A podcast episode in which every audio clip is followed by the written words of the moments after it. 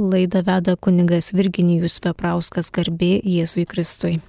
Ir panelė švenčiausiai taip pat malonus Marijos radio klausytojai girdima laida aktualieji bažnytinės teisės klausimai, o mes prie atskirų ardomųjų santuoką kliūčių. 1083. Apie tai, kad vyras sulaukė 16 metų ir moteris nesulaukusi 14 metų negali sudaryti galiojančios santuokos. Žinoma, tai yra bažnytinė teisė, bet žinoma, kyla iš prigimtinės. Reikalauja iš abiejų sutuoktinių tiek fizinės, tiek psichinės brandos. To paties reikia ir galimai dispensai, apie kurius amžių įstatymas aiškiai nepasisako pagal analogiją dispensuoti galima abi lytis. Vietos ordinaras gali suteikti esant reikalų dispensą nuo vienerių metų. Toliau jau reikia, jeigu daugiau negu nuo metų, reikalingas apaštalų sosto dispensavimas. Na ir žinoma, vyskupų konferencija gali padidinti amžiaus ribą sutinkamai su vietos papročiais. Mums ateina į pagalbą 1072. Sielų ganytojai turi rūpintis atkalbėti nuo santoko sudarimo jaunuolius, nesulaukusius amžiaus, kurio, esant pagal regionų paprašius, įprasta sudaryti santuoką. Vietos papročiai ir vyskupų konferencija. Žodžiu, šitas dalykas yra dispensuojamas, bet jeigu matot 13 metų merginai, 14 metų merginai ir vaikinui 16 metų, tai jau yra toks jau gana jaunas amžius, nors vietos ordinaras dar gali dispensuoti ir nuo metų. 1083 atitikmo rytų kanonuose yra 800 fiksuojam. Vyras nesulaukęs 16 metų ir moteris nesulaukusi 14 metų negali sudaryti galiojančios santokos vyskupų konferencijos teisėtam santokos sudarimui gali nustatyti vyresnį amžių.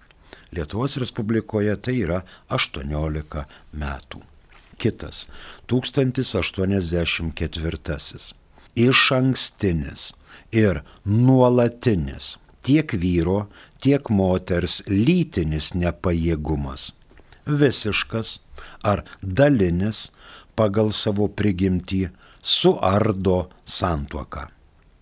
Antras, jei nepajėgumo kliūtis yra abejotina tiek dėl teisės, tiek dėl fakto, santuokai negali būti trukdoma ir abejoniai išliekant, ji neskelbtina niekinė. Trečias. Nevaisingumas nedraudžia ir nesuardo santuokos, laikantis 1098 kanono nuostatos. Taigi 1084. 17 metų kanono teisės kodekse tą normino 1069. Tai buvo panašiai. Bet dabar yra įdėtos tokios klauzulos. Kol kyla abejonės dėl šios kliūties. Ar pati kliūtis trunka, tai santoka neskelbiama negaliojančia. Reikia išsiaiškinti, ar ta kliūtis trunka, ar dėl jos jau nebekyla abejonių. Na ir dėl nevaisingumo, tai 1098 kanonas tas, kuris sudaro santuoką apgaulę, siekdamas iš savo išgauti sutikimą dėl kokios nors kitos šalies savybės, savo prigimtimi galinčios smarkiai sudrumsti santuokinio gyvenimo bendrystę, ją sudaro negaliojamai. Ir dar galime pasižiūrėti į 1060 kanoną. Santuoka turi teisės palankumą. Todėl esant abejoniai, santuoka turi būti laikoma galiojančia, kol nebus įrodyta priešingai. Taigi, lytinio nepajėgumo negalima dispensuoti, nes kyla iš dieviškos teisės.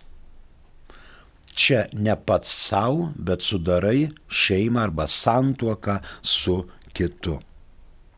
Nes lytinis nepajėgumas neleidžia atlikti lytinio akto.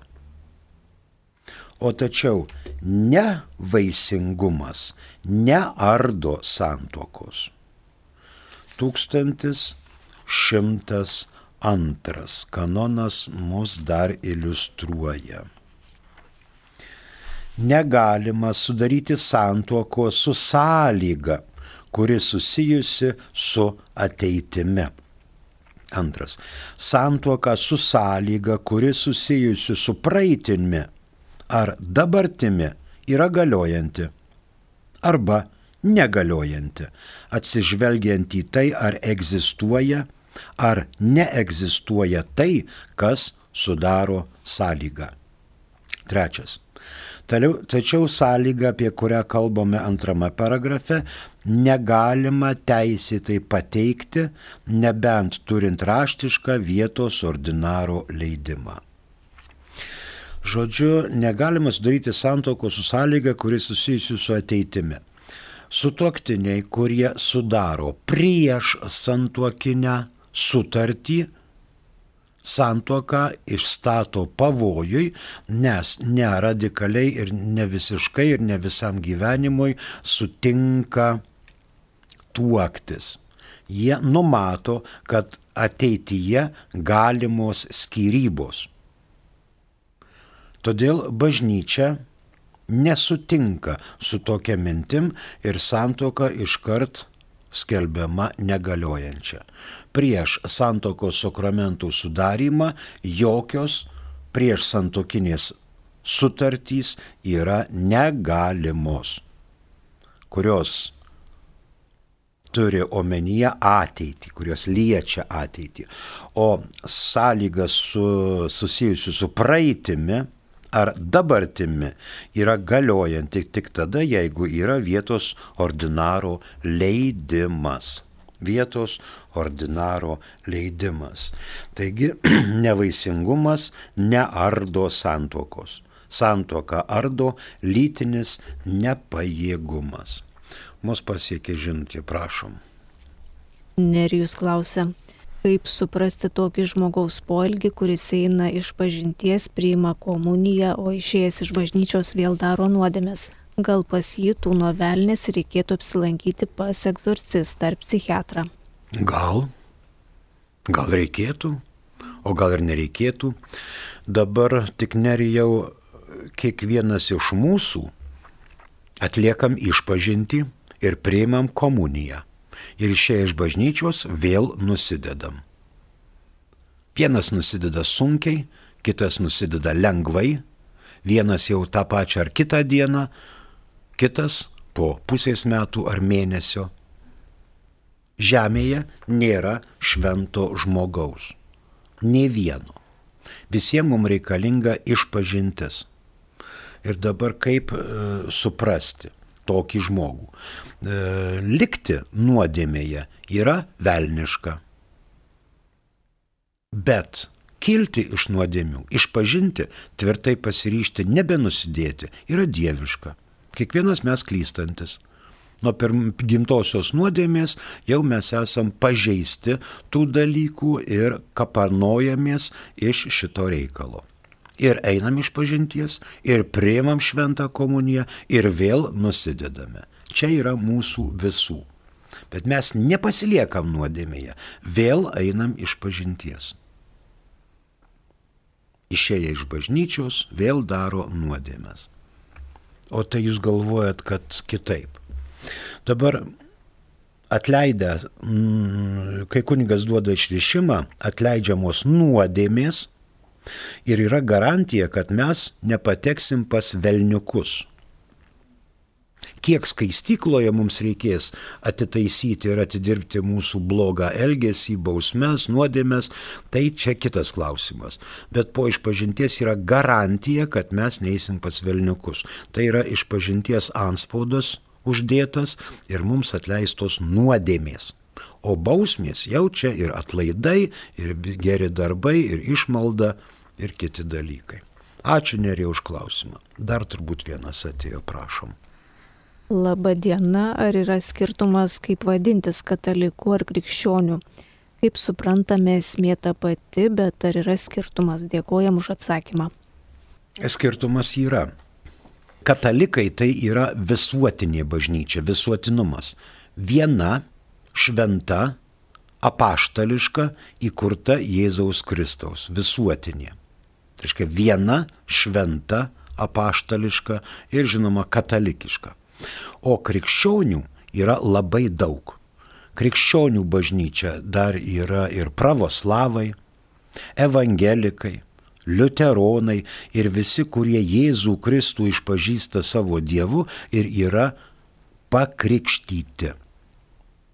Krikščionis yra katalikas, krikščionis yra pravoslavas, krikščionis yra evangelikas, krikščionis yra metodistas, krikščionis yra liuteronas.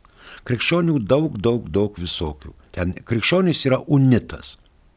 Bet kad pasakytum, kad pravoslavas yra katalikas, tai tikrai ne. Pravoslavas yra pravoslavas. Liuteronas yra liuteronas. Visi jie apimami vienu krikščionio vardu. Ir visi krikščionys tarpusavyje lygus, tarpusavyje lygus yra visi krikščionys. Ačiū. Dabar toliau eikime prie savo tiesioginių minčių apie kliūtis. Nevaisingumas. Nevaisingumas turi būti pasireiškęs iki santuokos, bet ne po santuokos. Jeigu susitokė žmonės ten 20 kelių metų, tai praėjus kokiai gerai 50 metų galima sakyti, kad ir viena ir kita šalis yra nevaisinga tai nėra pagrindo skelbti santuoką negaliojančią, nes paprastai taip jau atsitinka, kad gyvenimas vyra ir žmona tiek suartina, kad šitas gyvenimas praranda lytinio gyvenimo išraišką. O dėl kliūties, tai šitas nevaisingumas turi būti iki santuokinis. Nevaisingumas turėtų būti nuolatinis. Ne vien tik tai kartais, vat vaikų tai yra, du, trys vaikučiai ir paskiau kažkas bando sakyti, kad aš esu nevaisingas arba aš esu nevaisinga. Tai jau yra vaikai. Reiškia, dėl nevaisingumo kliūties negali būti. Nuolatinis turi būti. Ir žinoma, nevaisingumas turi būti tikras ateina į pagalbą 1608 kanonas. Kad būtų paskelbtas bet koks sprendimas reikalaujama, kad teisėjas turėtų vidinį, moralinį tikrumą dėl sprendimų nutarimo, dėl sprendimų nutariamų dalykų. Šį skirtumą teisėjas turi gauti iš aktų ir įrodymų. Teisėjas privalo vertinti įrodymus pagal savo sąžinę laikantis teisės nuostatų dėl tokių įrodymų svarumo. Teisėjas, kuris negalėjo įgyti tokio tikrumo, turi paskelbti, jog ieškovo teisė neįrodyta ir paleisti išteisintą atsakovą nebent būtų kalbama apie bylą turinčią teisės palankumą. Šiuo atveju reikia nustatyti jos naudai. Tai va, tikras. Nevaisingumas turi būti tikras. Ir jeigu yra teismas, teisėjas privalo turėti moralinį tikrumą dėl šitų dalykų. Matot, santoka yra laisvanoriškas lytinis ryšys. Ten apie tuos psichinius, moralinius, tai e, kitas dalykas, bet mes dabar teisės svarstom, kad Santuoka yra laisvanoriškas lytinis ryšys, kuriame vyras moteriai, moteris vyrui atsiduoda laisvai. Tai pirmas punktas. Dabar antras punktas - turi abu du turėti gebėjimą perteikti gyvybę. Užsimesgančią moters viduje. Turi turėti gebėjimą apvaisinti Todėl tiek vyras, tiek moteris turi būti vaisingi. Na ir žinoma, santoko yra labai svarbus dalykas - palikonių gimdymas ir ugdymas. O šiuo atveju nuo kūno negalios, jeigu yra nevaisingumas, dispensa neteikiama. Kliūtis privalo egzistuoti jau prieš santuoką. Jeigu atsiranda po santuokos, tai jau nebe kliūtis. Turi būti kliūtis pastovi, kaip minėjau. Nebūtina daryti didžiulės rizikos kūnui arba siekti labai brangių operacijų tam dalykui ištaisyti. Turi, turi būti pastovi. Tai gali būti nebūtinai kūno, gali būti net ir psichinė būklė. Nevaisingumas, psichinė būklė, visokios baimės, depresijos, neurozės, visokios fobijos. Dėl abejonės tiek teisinės, tiek faktinės neleistina drausti sudaryti santuoką, nebent pati teisė tą draustų. Mums į pagalbą ateina 1058 kanonas. Santuoką gali sudaryti visi, kuriems to nedraudžia teisė. Ir dar 1060-asis santuoka turi teisės palankumą. Todėl esant abejoniai, santuoka turi būti laikoma galiojančia, kol nebus įrodyta priešingai. Žodžiu, nevaisingumas nedraudžia sudaryti santokos, jei abi pusės tą žino ir tą priima. Tuokėsi ir 80 mečiai, ir vyresni. Nevaisingumas nedraudžia. Nevaisingumas tada yra kliūtis, kai nevaisingumas yra nuslėptas. Nuslėptas tas, kuris sudaro santuoką apgaulę, siekdamas išgauti sutikimą dėl kokios nors kitos šalies savybės, savo prigimtimi galinčios smarkiai sudrumsti santuokinio gyvenimo bendrystę, ją daro negaliojamai. Žmona nori vaikų, vyras nuslėpė, kad yra nevaisingas.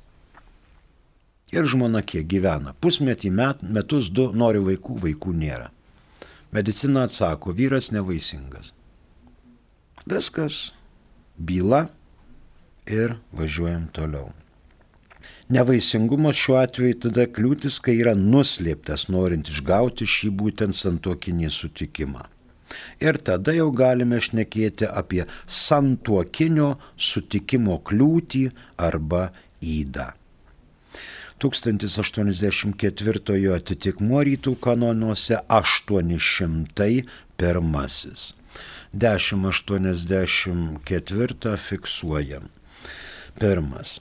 Iš ankstinis ir nuolatinis tiek vyro, tiek moters lytinis nepajėgumas visiškas ar dalinis pagal savo prigimtį suardo santuoką.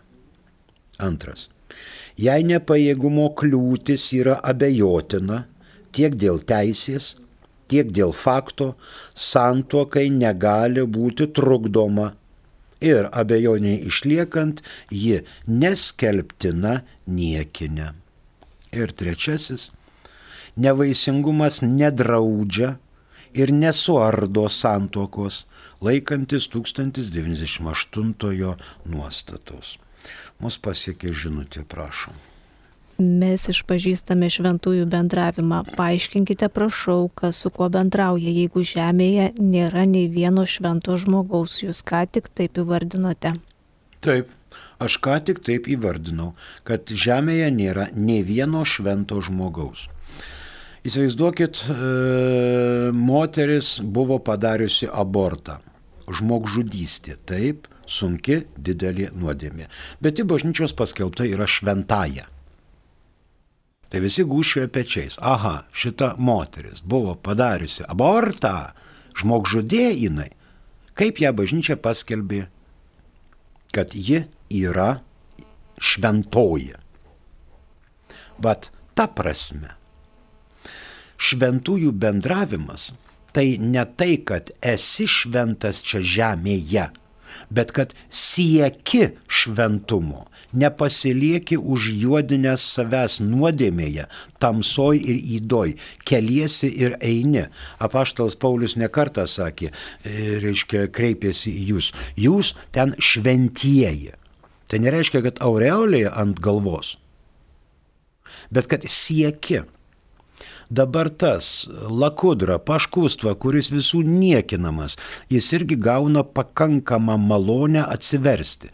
Visą gyvenimą jis darė prajovus, nuodėmingas, iki kaulų smegenų, bet paskutinį tai jisai nebuvo šventas. Bet paskutinį akimirką jis atsidusėjo ir sako, viešpatie, aš nesu traša žemiai net ne jeigu tu esi, bet Dieve, tu esi, aš myliu tave, atleisk man ir užmerkė akis.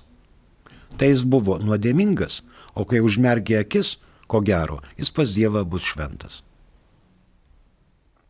Tai vad šventųjų bendravimas ir yra tų, kurie yra danguje šventieji, tų, kurie yra skaistykloje ir nori mūsų užtariamos maldos, jie bus šventieji bet jie dar dabar nėra šventieji. Ir mes čia žemėje, kurie galvojam, kad esam teisūs, tai mums trūksta ir nuolankumo, mūsų užvaldžiusi puikybė ir taip toliau, ir taip toliau. Mes tik nuolankiai sakom, viešpatie pasigailėk. Šventųjų mišių pradžioje viešpatie pasigailėk. Nes aš nevertas sakyti, kad aš esu šventasis. Nesąmonė nėra žemėje, dar kartą kartuoju, šventųjų. Yra buvę šventieji.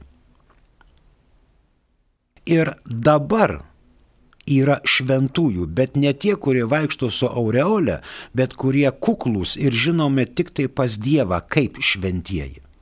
Jie ir stebuklus daro, ir jų malda galinga, Bet nėra tokio, kad štai reklamuojame Jonas su Birute, šeima yra šventi žmonės. Ne mes sprendžiam, ne mes Joną su Birute sutvėrėme, juos sutvėrė Dievas ir apie juos Dievas žino.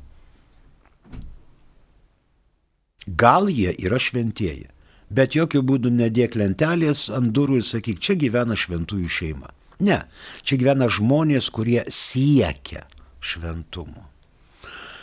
Ačiū. Dar pora yra žinučių, prašom.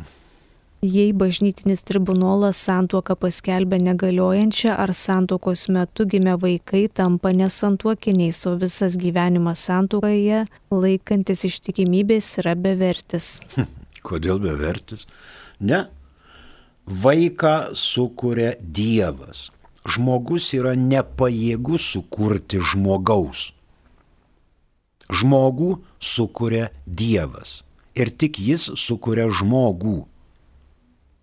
Kūną taip, tėveliai, bet sielą įkala Dievas visai nuo mūsų nepriklausoma. Vaikas į mus panašus iš eisenos, iš ūgio, iš svorio, iš e, plaštakų sudėjimo, iš apgamų, panašus vaikas į mus iš nosies formos, lūpų linijos, ausų geldelių, akių ten, kaktos, bet mes tėvai duodame kūną, siela duoda viešpats. E, dar nepabaigiau minutėlę, mums paskambino, kad čia nelauktų jisai. Prašom. Klausytoja Violeta. Klausom jūsų. Gerbėjus Kristui. Per amžius amen. Noriu paklausti, kaip galima nustatyti iki santokos, ar tu esi vaisingas, ar esi nevaisingas lytinė prasme. Taip. Taip, ačiū. Ačiū Jums. Čia mums į pagalbą ateina medicina. Po santokos abu sutoktiniai nori vaikų. Na, pabandykim dar pasižiūrėti iš bažnytinio tribunolo pusės. Gyveno kartą sutoktiniai. Vyras ir žmona. Norėjau vaikų, vaikų nebuvo. Jie nebuvo paėmę bažnytinės santokos, moteris pagyveno kelias metus, ten pavaikščiojo pas daktarus, daktarai sako, jūs ponė esat vaisingų vaisingiausia ir pasakė, reiškia, atsiveskit vyrą. Vyras sako, pokum nakum ir aš ten niekur neisiu ir pas mane va čia žiūrėk darosi yra būna ir aš čia tu pati kalta, reiškia, ir įsiskiria ir, ir išsiskiria. Paskui, po tų skirybų, frajeris suranda kitą moterį ir paima bažnytinę santuoką su ta kita moterimi. Irgi abu du nori vaikų, vaikų nėra.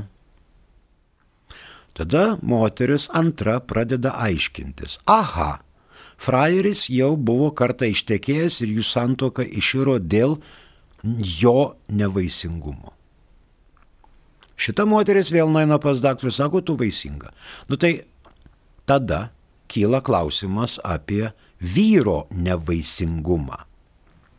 Gali būti, kad sperma ten viskas tvarko ir kiekis nemažas ir lytinis aktas atliekamas, bet sperma yra nevaisinga. Ir tada šita antra moteris sako, Hebrytė, jeigu būčiau žinojusi, kad jis yra nevaisingas, šiukštų bau tikrai nebūčiau tekėjusi už jo. Taigi santokai tam, kad vaikai būtų. Tai va, prieš santoką. Paskui yra visokios, reiškia, keulytis, ten dar lygelės visokios ir kur tėvai maždaug jaučia ir žino, kaip jų atžalos gyvena. Ir jeigu ten ir hormonų sutrikimai, ir dar kokie dalykai, pagaliau tai yra medikų dalykas ir vyras turi žinoti, ir moteris turi žinoti, yra prieš santokiniai dalykai, kuriuos pas mediciną reiškia pasitikrinti reikia, kad žinotumėm savo tuos dalykus. Šimtų procentų to nieks negali pasakyti, bet jeigu gyvenimo teikmėje e, vienas iš sutoktinių, kuris žinojo savo nevaisingumą ir nuslėpė, santoka žinoma yra negaliojanti. Ta pripažįsta bažnytinis teismas. Dabar kaip jūs, kaip Violeta sako, kad čia kaip galima nustatyti. Vat taip ir galima. Yra faktai, yra duomenys, yra liudininkai, yra kitos aplinkybės, pagal kurią galima tikrai nustatyti. Žinoma, bažnytiniuose tribunoluose yra ir kitokių dalykų. Mm, taip pat reikia, kaip girdėjau, teisėjas turi turėti moralinį tikrumą. Vyras ir moteris gyveno, norėjo vaikų, vaikų nebuvo vėl ten tas į sieną, apspardo ją, tu čia taip ir anaip ir trunka ten 2-3 metus, vaikų nėra. Galų gale bažnytinis teismas tuo klausimu išskiria. Vyras veda kitą moterį, vaikų yra. Moteris išteka už kito vyro, vaikų yra. Vaikų yra ir pas vieną, ir pas kitą. Ir dabar imk ir tu spręsk kas kur užsikabina, kas kur per kokias sienelės nuteka ir taip toliau ir taip panašiai. Tai yra problema. Tik tai, kaip girdėjote, šituose kanonuose tai yra aiškiai pasakyta, kad nevaisingumas nedraudžia ir nesuardo santokos. O lytinis nepajėgumas taip. Ačiū Jums, ponė Violeta, už klausimą. Dabar mes toliau šia, į šitą atsakinėjame. Ne, gimę vaikai santuokoje, kad ir negaliojančia, kaip girdėjote, yra, nėra nesantuokiniai. Bažnyčia jų nelaiko nesantuokiniais vaikais. Tikrai ne. O visas gyvenimas santokoje laikantis ištikimybės yra bevertis. Na čia kažkaip įdomu.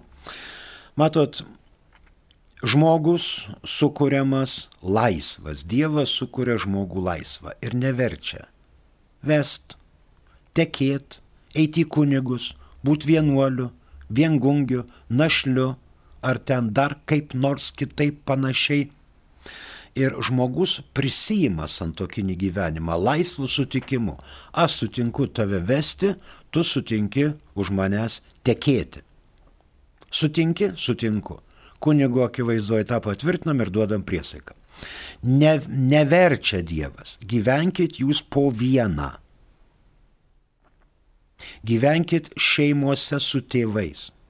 Gyvenkit broliai su seseriais. Į santoką niekas jūsų neverčia. Bet jeigu eini į santoką, tarkim, tai už save aš šimtų procentų garantuoju, koks aš esu. Tam ir reikalingi metai ir daugiau, kad aš pažinčiau kitą žmogų, kaip aš su juo gyvensiu visą likusį gyvenimą iki savo pabaigos. Dažnai vyras veda moterį galvodamas, kad ta moteris nepasikeis o jinai gyvatė pasikeičia po kiek laiko. O moteris teka už vyro, galvodama, kad jie jį pakeis savo meilę, o jis gyvatė nesikeičia, nei trupučiuko. Tai va tokių visokių dilemų yra ir užtat kartais susi, susimėto reikalai, kad yra sunku išgyventi šeimoje. O Lytinis gyvenimas tai debutas santokoje. Laikytis ištikimybės. Čia tikėjimas.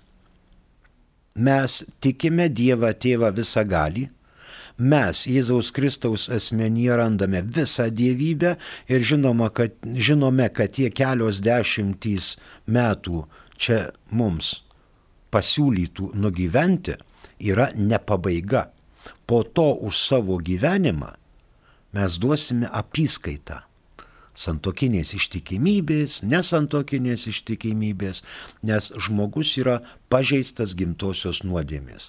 Tik velniška joje pasilikti, o dieviška kilti iš nuodėmių, tvirtai pasiryšti ir vėl žengti šventumo keliu. Ačiū. Dar turbūt vieną turime. Prašom. Vaida iš Kauno. Mhm. Garbė Jėzui Kristui, ar tėvai evangelikai liuteronai gali būti krikšto tėvais katalikų vaikui? Ačiū Vaida. Ne, negali. Katalikui vaikui krikšto tėvo užtenka vieno. Arba moters, arba vyro užtenka vieno. Šalia gali būti evangelikai, liuteronai, kad ir du bet jie nebus faktiniai krikšto tėvai, jie bus liudininkai. Kiek daug šeimų bendrauja ir su pravoslavais, ir su evangelikais, ir su protestantais, ir taip toliau, ir taip panašiai, jeigu taip galima pavadinti.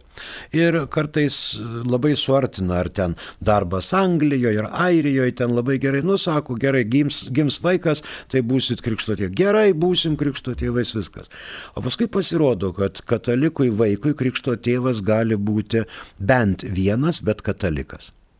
O šalia to gali būti ir daugiau. Bet tik tai šalia to vieno teisėto ir galiojančio. Negalima sakyti, kad mano vaikui bus liudininkai, du evangelikai ir viskas. Tikrai ne. Turi būti bent vienas katalikas, kuris yra legalus teisėtas ir įrašomas į knygą.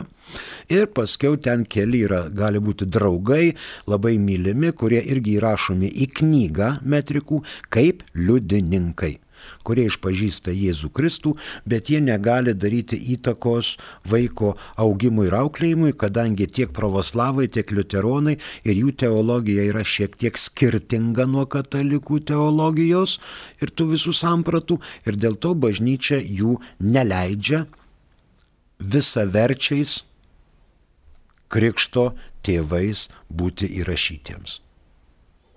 Tai toks būtų atsakymas. Ačiū. Dabar 1084 pabaigėme. fiksuojam, jeigu neišfiksavome. Čia gana įdomus dalykai, jūs klausykitės ir kai kils klausimų prašyčiau. Iš ankstinis ir nuolatinis tiek vyro, tiek moters lytinis nepajėgumas, visiškas ar dalinis pagal savo prigimtį, suardo santuoką. Antras. Jei nepajėgumo kliūtis yra abejotina, tiek dėl teisės, tiek dėl fakto santokai negali būti trukdoma ir abejoniai išliekant ji neskelbtina niekinė. Ir trečias, nevaisingumas nedraudžia ir nesuardo santokos laikantis 1098 nuostatos. Kiekvienas žmogus santokoje turi teisę į kito žmogaus kūną. Jeigu nepajėgumas, kažkuri šalis yra pažeidžiama. E, būna atvejų, kai, pavyzdžiui, vyras yra nepajėgus atlikti lytinio akto su žmona, bet vyras yra pajėgus atlikti lytinį aktą su kitu vyru. Taip, Tai vėl pagal šitą kanoną reiškia nepajėgumas lytinis. Tas pats ir su moterimi. Moteris gali būti nepajėgi atlikti lytinio akto su vyru, bet yra pajėgi atlikti e, aktą, ta, taip vadinamą lytinį, su kita moterimi. Tai irgi yra nepajėgumas. Jis nepajėgi. Su kažkuo yra pajėgi, su kažkuo yra nepajėgi. Čia turim, reiškia, visokių dalykų ir zoofiliją, ir nekrofiliją, ir čia met, mes nesileisim į smulkmenas, tik tai žinome, kad tai yra ir bažnyčia tą numato ir bažnyčia žino, kad tai būna, todėl ir išleidžia kanonus. O kanonus žinoti katalikams labai verta, kad galėtų toliau gyventi visą vertį bažnytinį gyvenimą. Ačiū už klausimus. Laidą vedė kunigas katalikų bažnyčios Virginijus Veprauskas. Su jumis ir atsisveikinu sudie.